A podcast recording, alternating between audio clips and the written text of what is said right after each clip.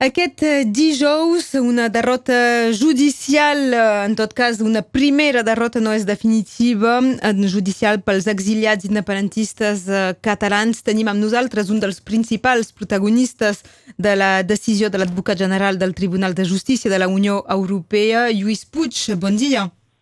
Molt bon dia, Radio Reals.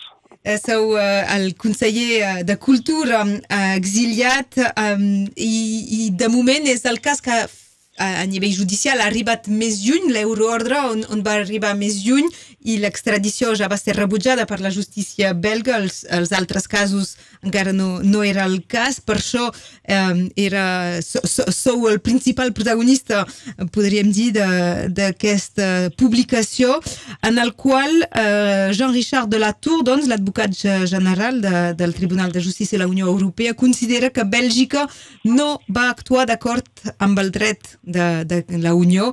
Eh, primer, quina és la, la primera reacció quan, quan heu sentit aquesta sentència? Home, la, la veritat de sorpresa. Uh, evidentment esperàvem la data d'ahir uh, i, i mentalment un, teníem tots els escenaris oberts, des del que ha passat fins a un altre extrem. Però perquè sempre ens veiem obligats a tenir en el cap tots els, tots els escenaris possibles, però és veritat que el, que el cervell i el cos humà sempre esperen a la part més positiva. En aquest cas no ha estat així, per tant no, no estem contents, ens va no, no va deixar de sorprendre'ns el, el, el, el, resultat d'ahir.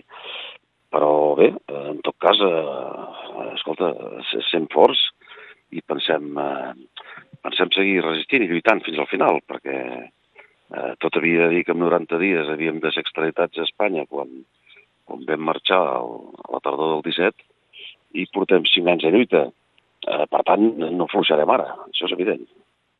El, el, que queda, el que queda plasmat és que eh, de moment eh, sobre la decisió d'un sol dels jutges, eh, després seran 15 a prendre aquesta decisió abans de, de finals d'any, eh, és que es podria tornar a emetre un altre euroordre i tornar a començar d'alguna manera el, tot, el, tot el tràmit judicial. Sí, exactament, exactament. Si, si així acabés sent el, les respostes finals de, del, del Tribunal de Justícia Europea ens pos, en, en posaríem, i particularment a, l'inici, a, a, a la casella de sortida un altre cop, del que ja vàrem començar el mateix eh, novembre del 2017. Eh, per tant, eh, res és perdut. Però tot i així ens estranya perquè l'informe d'ahir contradiu jurisprudència del propi Tribunal de Justícia Europea, que no fa pas molts mesos havia tret sentències en un sentit contrari. Eh, l'informe d'ahir sembla que, que diu que una vulneració de drets fonamentals té que ser un col·lectiu. I és estrany perquè la, la Carta de Drets Fonamentals de la Unió Europea és sobre les persones, diguem no? Per tant, eh, si es vulneren drets a una persona és tan important com si es vulneren drets a un col·lectiu. Això és el que no, no ens ha sorprès molt, no? d'aquest canvi de, de, de discurs d'aquest advocat, d'aquest jutge, perdona, amb, amb, amb, amb les pròpies jurisprudències que ja hi ha en Europa. Però bé, eh, jo no sóc pas un advocat ni sóc un expert jurista, eh? Uh, I uh, la, la frase diu que s'hauria d'haver demostrat amb dades objectives, fiables, precises i degudament actualitzades el risc de, de vulneració d'aquest dret i que no, no s'ha fet prou uh, també pel fet de, de qüestionar la competència o no de, del Tribunal Suprem per jutjar el cas. Sí, bé, bé dir això, tot i així, en, tot els, en tots els judicis eh, i procediments que hem tingut des de tot aquest historial de quasi bé 5 anys, eh, en tots els judicis que jo he estat present, sempre a la nostra defensa, els nostres advocats, sempre havien defensat i demanat als jutges belgues que féssim, que matéssim preguntes prejudicials a Luxemburg a, a, a, durant el procés.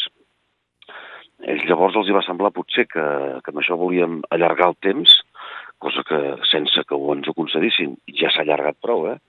però en tot cas eh, nosaltres demanàvem que es fessin aquestes preguntes prejudicials per aclarir al màxim aquest tema. Jo dubto molt que la justícia belga eh, no hagi fet bé la seva feina. Ara bé, eh, si hi ha un canvi de doctrina o hi ha un canvi de, de, de posicionament, eh, és el que caldrà veure.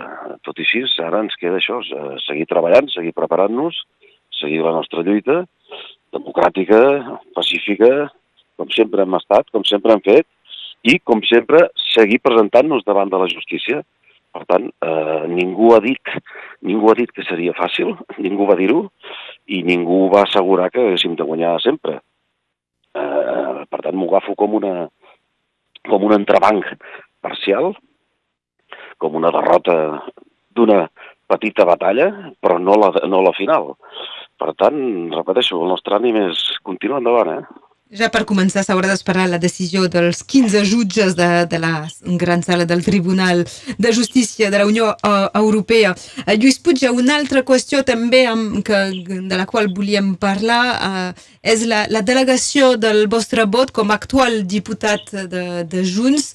Um, aquesta qüestió també ha anat uh, ballant d'alguna manera entre el sí i el no. Uh, uh, com, com, com està ara mateix aquesta situació?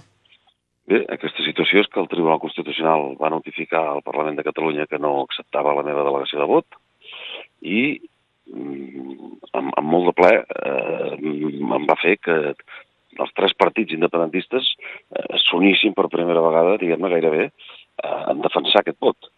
No perquè sigui jo, eh, sinó per qualsevol diputat o diputada del Parlament de Catalunya. Per tant, eh, la, la posició de fermesa en contra d'aquesta decisió ha estat forta, eh, és, és, un, evident que, que un càrrec electe no, no es pot eh, escombrar així com així d'un Parlament democràtic i si també doncs, continuem aquesta lluita conjuntament des de, des de dins del Principat de Catalunya amb la defensa dels drets, no? Eh, sobretot perquè és evident que no hi ha delictes de sang, ni hi ha delictes d'assassinats, ni, de, ni de coses rares amb aquests temes, sinó que és merament un tema polític. Però ja podeu veure, si aneu seguint les notícies, que tristament cada setmana hi ha més notícies de temes jurídics que no de temes polítics. Exactament, és, és el que volia dir. Um, sembla que ja tenim més a parlar de temes administratius, judicials, de, de condemnes, d'investigacions, per, per no parlar del cas de la presidenta del, del Parlament, que, que no pas de, realment de, de lleis i de, i de tràmits polítics. Doncs sí, és una llàstima, perquè constata que, que la política de Catalunya està intervinguda des, de, des dels tribunals, no des dels àmbits polítics, que és des d'on es fa la política, i això també és una vulneració del dret, i em sembla a mi, del, de les persones que voten i que escolleixen els seus representants. No?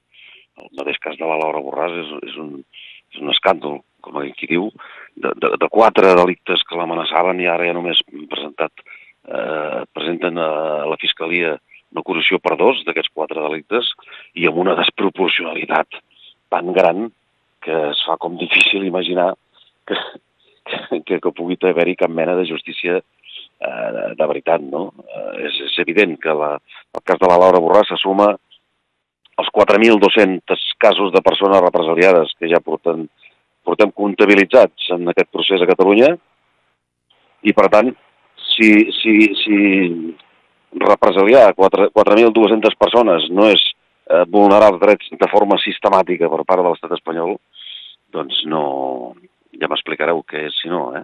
Eh, és, és evident que hi ha una, una, una maquinària d'estat eh, en contra de les persones que pensem, opinem i volem portar el nostre país cap, cap, un altre, cap un altre estatus, cap una altra forma de poder ser i de poder mantenir les nostres actituds, cultura, llengua, eh, en el futur del, del que volem. No? Eh, per tant, eh, la repressió és molt forta, és evident que no s'atura, i és evident que ens cal ser ferms i, i treballar i lluitar plegats i units totes les forces. Per nosaltres era important eh, poder parlar amb Lluís Puig, exconseller de, de Cultura, actualment a l'exili i actual diputat del Parlament de, de Catalunya en un dia tan, tan important. I, uh, i gràcies també d'haver-nos fet, malgrat tot, un, un forat a, a l'agenda perquè sé que serà un dia mediàticament intens. Bé, eh, sempre és un plaer parlar amb vosaltres, ho he dit, no, no avui, ho he dit sempre, i per tant us agraeixo moltíssim el, el, com, com seguiu i com informeu a tots els oients de Ràdio Arrels eh, del, del dia a dia, i no cal dir-ho, la defensa que feu vosaltres també de la llengua catalana. Moltes gràcies, que vagi molt bé, bon dia. Bon dia, a reveure.